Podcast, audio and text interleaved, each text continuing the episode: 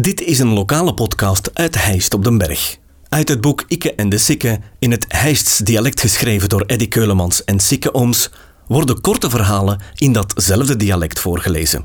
Dit vertelselke werd ingesproken door Luc Verbeek.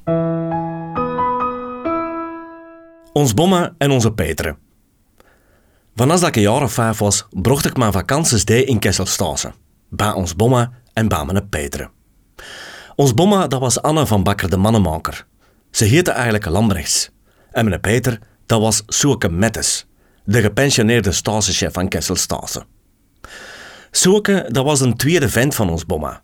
Hun eerste vent, Fokke Verschuren, die was krijgsgevangene en die is de Duitsers op ten van de oorlog doodgeschoten in Duitsland. Maar Peter, dat was een crème van de mens. Die deed van mij alles. En dat was ik niet gewoon, hè.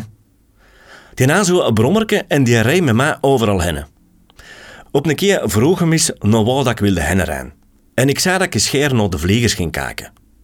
En die mens die met mij bonk naar Messelbroek met zijn brommerke. Op een andere keer reed met mij naar de vaart, naar de boot te kijken. Of hij reed met mij naar het sas om in de net wat te paddenpoteren. Zalige kerel. Zaterdags werd er altijd nog hier met gereden. De maat van mijn Peter, dat was Fons van den Berman, een verkenskweker. En die had een Amerikaanse auto.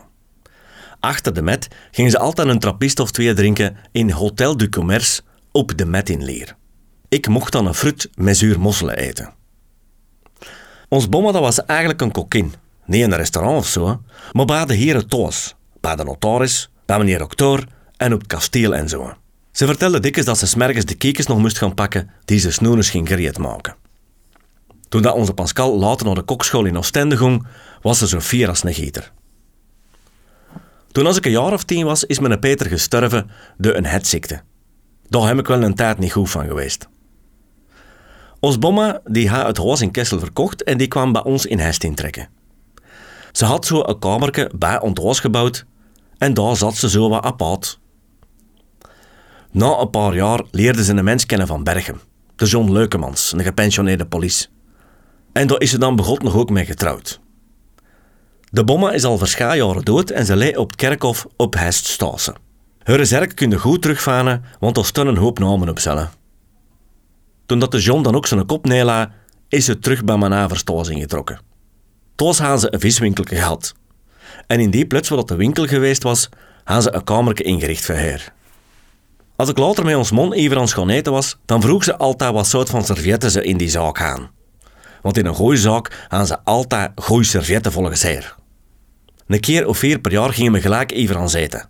Altijd in die chic. Met goede servietten natuurlijk. Na eten kwam er altijd een spannende moment. Want dan tikte ze met haar mes tegen een pint en vroeg ze om de kok even te kunnen spreken. Meestal kreeg die mens aan complimenten, maar als het niet met haar gusting zou geweest zijn, zou ze het ook gezegd hebben. Jaren terug, ik was een jaar of tien, elf denk ik, moest ik eens voor haar een entrecote gaan halen bij Bienaver van de Mutter, recht tegenover de gendarmerie.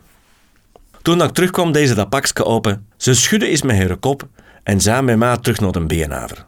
Daar stond redelijk wat volk binnen, de veegde zorg had aan. Ze zei, Beenhaverke, nou moet je eens goed naar luisteren. Als die kleine hier nog eens een entrecote komt vragen, dan moet je die ook een entrecote meegeven en geen stukje het een boefsteek. Heb je dat goed verstaan?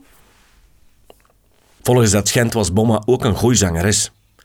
Ze vertelde dikjes dat ze vrijwel duizend man gezongen had en zonder micro.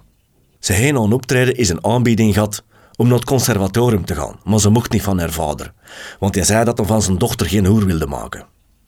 Dat was een goed mens. Ze zou de broek van haar gat gegeven hebben. Ze is van 95 geworden en ze is gestorven in het in Itegem. Deze podcast kwam tot stand dankzij Huisdresselaars en Tropical. Volg de podcast op Facebook. Reageren kan je via de website ditishijst.be slash ikke en de of ikkeendesikke.be.